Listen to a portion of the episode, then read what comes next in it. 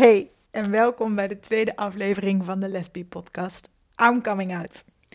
Oké, we zijn los, de kop is eraf en we beginnen gelijk met het zoetsappige deel. Maar um, holy fuck, ik wil jullie echt knijterhard bedanken voor alle lieve reacties. Echt, wauw. Um, ook de berichtjes nu wanneer de volgende aflevering zou komen, waarvoor mijn excuses dat het zo lang heeft geduurd. Um, ik had een aflevering opgenomen. Het was niet goed gegaan met het geluid. En ik kan echt koningin zijn in het uitstellen van dingen. Um, maar dat is iets waarin ik hopelijk nu. Um, het idee is wel om iedere week of iedere twee weken een nieuwe aflevering uit te brengen. Dus dat is wel het streven.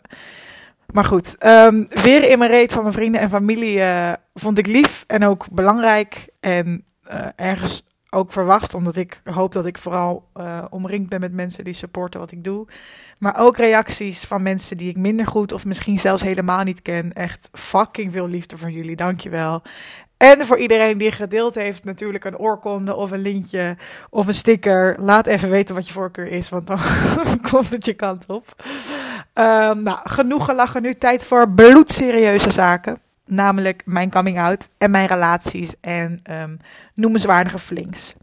Ik hoop dat het past in 20 minuten. Waarschijnlijk niet. Uh, dus er komt een deel 2 um, of iets in die, uh, in die richting.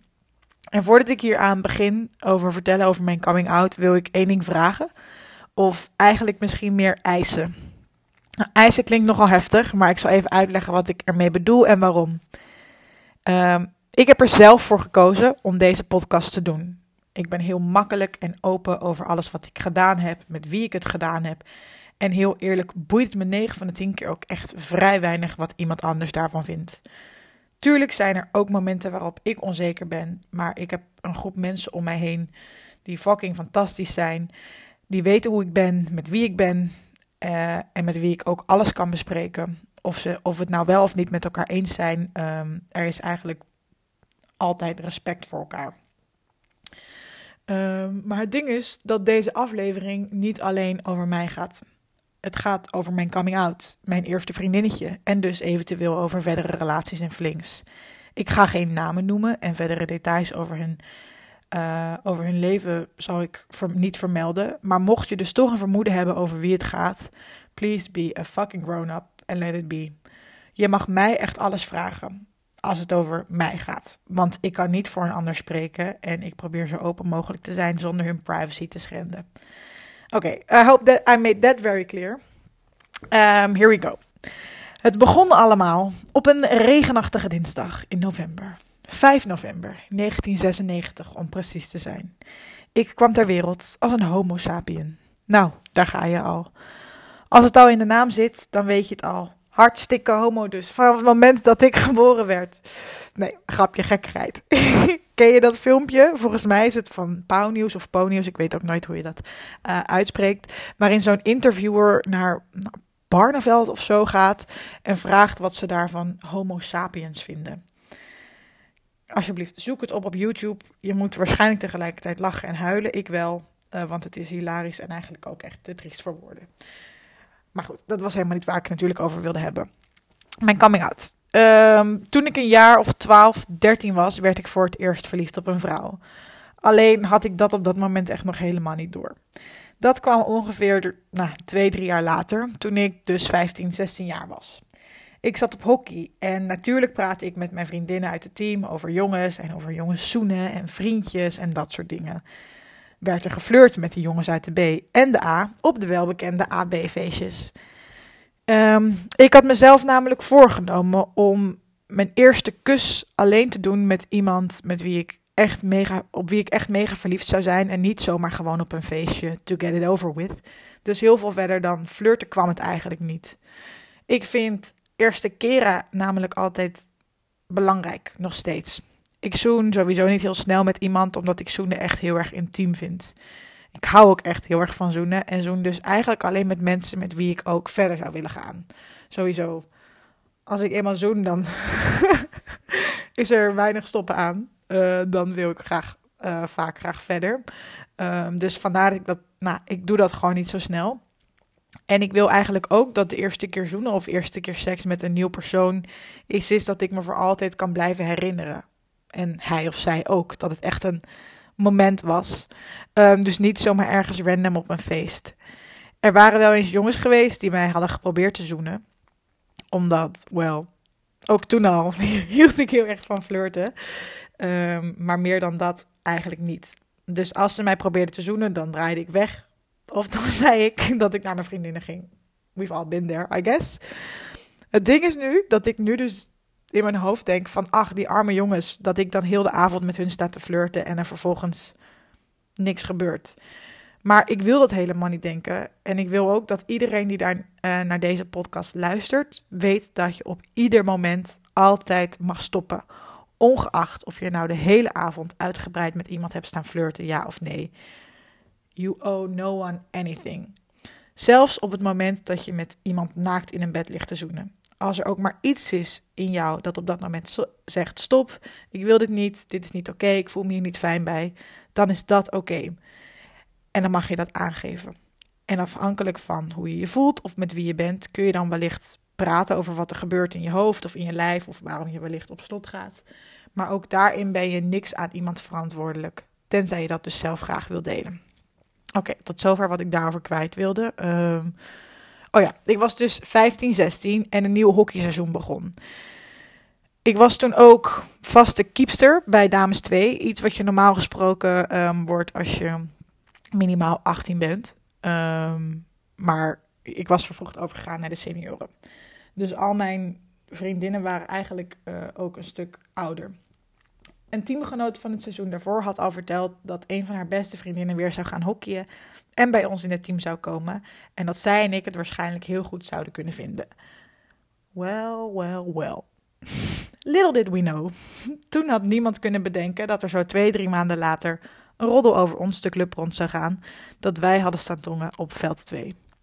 You gotta love, een klein hockeydorp. Um, overigens was deze roddel niet waar. Uh, want zoals ik net verteld heb, zoen ik eigenlijk niet snel op feestjes met iemand. En al helemaal niet voor de eerste keer. En ik had op dat moment überhaupt nog nooit met iemand gezoend. Maar hoe kwamen we dan van teamgenoten zijn ineens bij zogenaamd zoenen op veld 2? Een gerucht komt naar mijn idee meestal niet helemaal uit de, uit de lucht vallen. Well, let me explain. Dus mijn eerste vriendinnetje en ik leerden elkaar kennen. En inderdaad, we klikten gelijk heel erg goed. Ze is grappig, enorm lief en lekker fanatiek. En ik hou daar echt van. Ook was ze de eerste persoon in mijn directe omgeving die een vriendin had. Dus we beginnen gewoon als vriendinnen en teamgenoten. Praten over het leven, de liefde, je kent het wel. Dus ook over haar relatie, die op dat moment niet meer is zoals zij beiden graag zouden willen. Het overlapt met dat mijn nieuwe teamgenootje en ik steeds closer worden. Ik, en ik in ieder geval ondertussen allerlei gevoelens ervaar waar ik me echt absoluut geen raad mee weet. Waarom vind ik het zo jammer als ze niet samen met mij en mijn andere teamgenoten op het terras blijft hangen na een wedstrijd? Waarom voel ik de enorme behoefte om haar te sms'en? Ja, het was nog de tijd van het sms'en. Om te vragen hoe haar maandag was, terwijl ik haar gisteren nog gezien heb en over twee dagen alweer zie. Waarom wil ik een fucking cake voor haar bakken op haar verjaardag? Ik heb oprecht nog nooit voor een teamgenoot een cake gebakken. Ik denk überhaupt niet eens voor mijn vriendinnen. En waarom? Waarom is het laatste waar ik aan denk voordat ik ga slapen dat moment dat we samen dansen? Dicht tegen elkaar aan, net iets langer dan het ik met mijn andere vriendinnen doe. Net iets intiemer. Op het feestje van die zondag daarvoor op de hockey. En waarom de fuck ruikt ze zo belachelijk lekker? Oh man, ik hou zo erg van de liefde. Want ik durf te wedden dat een deel van jullie luisteraars nu heel even wegdreef in zijn of haar eigen gedachtenstroom over die ene persoon. Goed, de geruchten en roddels waren er dus niet voor niks. En eigenlijk moet ik er ook wel om lachen. Dat is hetzelfde wanneer mensen een affaire hebben. Ongeacht of sommige mensen het nou weten. Bijvoorbeeld omdat die persoon die het verteld heeft, omdat hij even moest ventileren. Maar iedereen weet het. Iedereen voelt het. Dat die twee mensen eigenlijk iets met elkaar hebben. Because energy doesn't lie, guys. maar goed, de roddel dus over zoenen op veld 2. Die klopte niet. Want op dat moment hadden we nog niet eens gezoend. Dat liet nog even op zich wachten. Want godsamme, ik was een partij bang. we hadden al een keer bijna gezoend. Nadat we een avondje met een paar teamies naar... Uh, voor Schiedammers het welbekende Café Chic waren geweest en zij mij naar huis had gefietst. Ik was tenslotte 12. Nee, oké. Ik was geen 12, jongens, rustig. Ik was geen 12.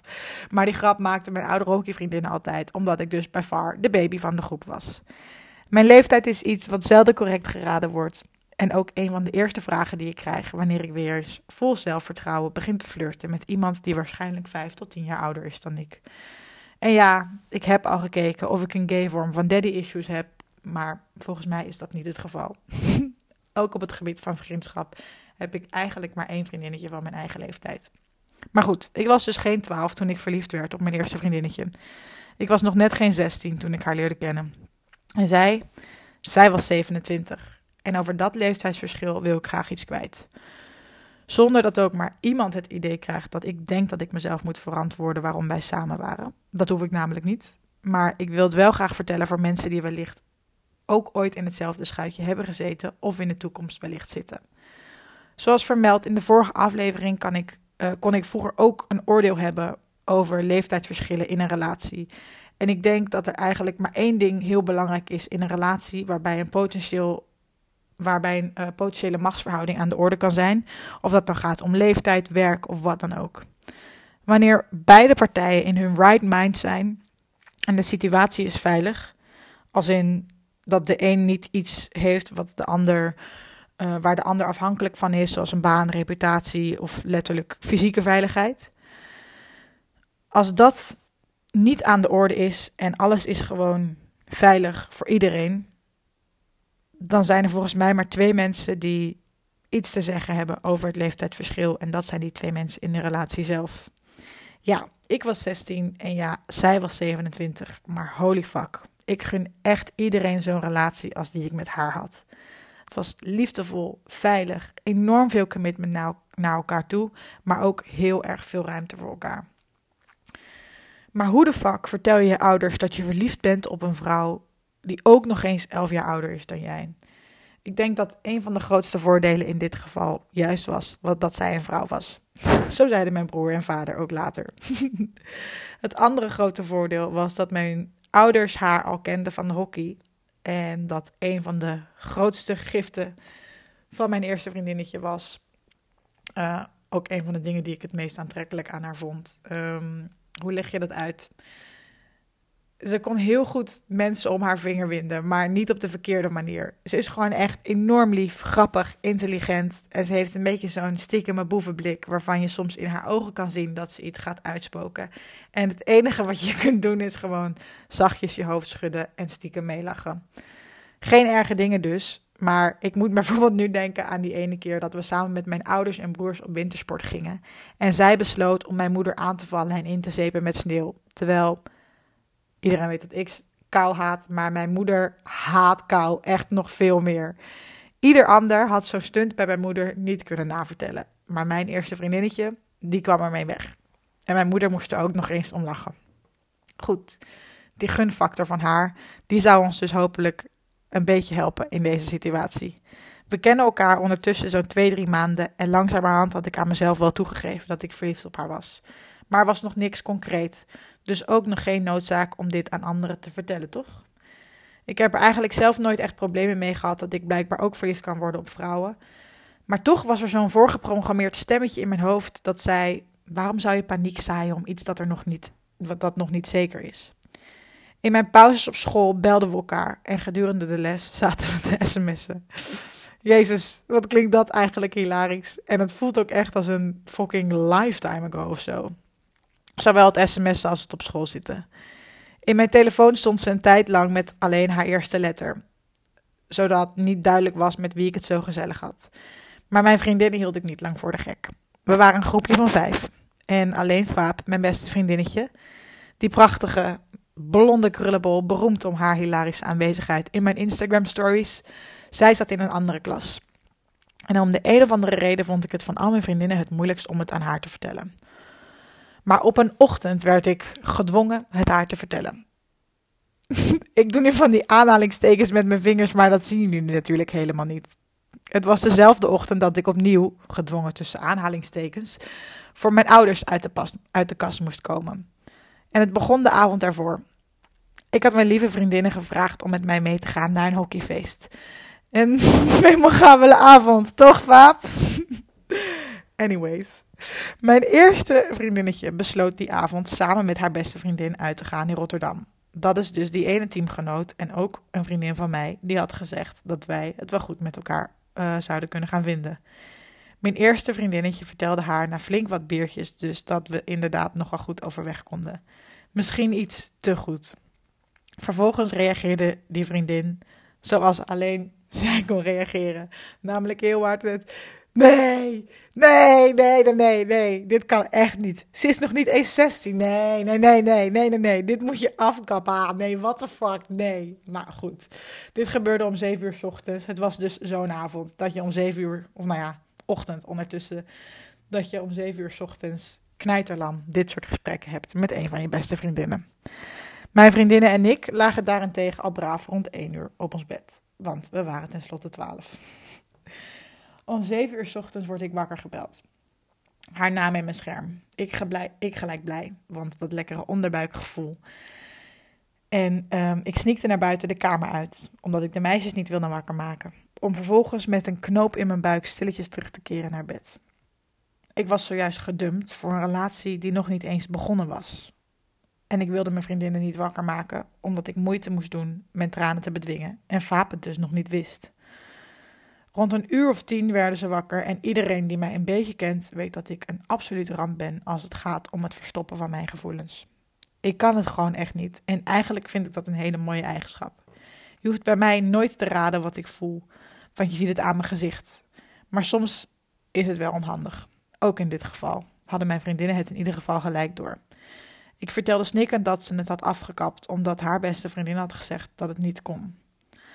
Het ding is, ik ken geen angst in de liefde. Of nou ja, ik ken het wel, maar mijn wil en vooral mijn vertrouwen en geloof in de liefde zijn vaak vele malen groter. De hopeloze romanticus in mij kwam naar boven. En ook al zorgt die hopeloze romanticus er ook wel eens voor dat ik keihard op mijn bek ga, ze heeft, me ook vele malen, heeft er ook vele malen voor gezorgd dat ik prachtige verbindenissen heb kunnen aangaan met mensen. Ook nu had mijn hopeloze romanticus bedacht dat ik naar haar toe moest om, dit belach om deze belachelijke beslissing in ieder geval te bespreken. En wel nu. Maar het was zondagochtend, de bus naar het station reed niet en ik zat samen met mijn vriendinnen op mijn zolderkamer. Mijn ouders zijn oprecht de liefste mensen en ze vonden het vaak geen probleem om mij even naar het station te brengen. Maar als ik nu naar beneden zou gaan om hals over kop te vragen of ze mij en mijn vriendinnen, want hoe zouden die anders thuiskomen, naar het station zouden willen brengen, zouden ze vast wel even om uitleg vragen. Ik hou er niet van als mensen ergens duizend doekjes omheen winden. Just let's get it over with. Trek die pleister af so I can deal with it. En ik hou er ook niet van als er veel ruimte blijft voor interpretatie of tussen de regels doorlezen. Dus daar ging ik, naar beneden, naar mijn ouders. Lekker kort en bondig. Ik weet het nog heel goed. Ik liep de trap af, de woonkamer in. Mijn vader zat in zijn stoel tv te kijken en mijn moeder was aan het stofzuigen. Ik ging ergens in het midden van die twee staan en zei: Pap, mam, weten jullie Sjors nog? Sjors was haar bijnaam. Nou, um, ik vind haar dus echt heel erg leuk. En ik denk dat ik verliefd op haar ben. Maar nu hebben we denk ik ruzie. En ik moet dus naar haar toe. Maar de bus rijdt niet. En wil iemand mij, iemand van jullie mij misschien even brengen? Bam. Doodse stilte. Mijn moeder duwde de knop van de stofzuiger uit. Mijn vader zette de tv zachter en draaide zijn stoel om alsof hij een jurylid van The Voice of Holland was. Eh, pardon, zei mijn vader. Gevolgd door een, huh, wat bedoel je? Van mijn moeder. Um, nou, gewoon. Ik val dus denk ik op vrouwen, of in ieder geval op haar. Maar de metro gaat over 20 minuten, dus kunnen we gaan. En zover ik me kan herinneren, no further questions were asked. Mijn vriendinnen en ik sprongen in de auto en mijn lieve vader bracht ons naar het station. Ook vroeg hij me hoe laat hij me weer moest ophalen en ik antwoordde dat ik dat nog niet wist en dat ik het hem zou laten weten. Eerst even dit oplossen. Een tijdje later stond ik bij haar voor de deur. Klamme handjes en klotsende oksels. Ik weet niet meer wat we op dat moment gezegd hebben. Ik weet alleen dat we heel lang samen op de bank hebben gelegen, tot de conclusie waren gekomen dat we het op zijn minst even zouden proberen. Want we zouden enkel onszelf voor de gek houden, als we zouden doen alsof er niks speelde tussen ons. Dus dat zogenaamde afkappen zou toch niet werken, omdat het volledig tegen onze natuur in zou gaan. Ons bankmoment werd later bruut verstoord doordat haar ex-vriendin, met wie ze nog wel samenwoonde, thuis kwam. Oepsie. Niet dat ze ons betrapt of iets, we hadden nog steeds niet eens gezoend, maar je ex-vriendin op de bank zien liggen met iemand die een paar jaar daarvoor, die een paar jaar daarvoor nog had kunnen babysitten, is niet echt wij thuiskomen, toch? Tranen rolden bij alle partijen uh, over de wangen. Maar het probleem, again, tussen aanhalingstekens, was dat we elkaar eigenlijk allemaal heel erg mochten. Ik had George, haar ex-vriendin, al eerder ontmoet toen ze nog samen waren uh, en ze wel eens op de hockey kwam kijken. En ik vond haar oprecht een fantastische chick. Alleen de situatie was wellicht een beetje onhandig. We became good friends uiteindelijk. Soms veel contact, soms weinig, maar eigenlijk altijd liefdevol. En dat is een van de dingen die ik echt enorm waardeer aan de gay-wereld. Ik ben niet echt in de scene, dat vind ik echt veel te ingewikkeld en te veel. Iedereen lijkt het daar namelijk met iedereen gedate te hebben. Um, maar het feit dat ik nu regelmatig over de vloer kom bij mijn eerste vriendinnetje en haar nieuwe vriendin. En dat ik ook vrouwen heb gedate met wie ik nu oprecht vriendinnen ben, vind ik fijn. Niet allemaal natuurlijk, hè. Ik denk dat ik een steen naar mijn hoofd kan verwachten wanneer ik mijn tweede vriendinnetje vraag of ze gezellig een kopje koffie met me wil drinken. Maar daarover meer in de volgende aflevering. Dankjewel voor het luisteren en tot de volgende week of de week erna. Of heel misschien de week daarna. Maar goed, ik probeer binnen twee weken. Liefs.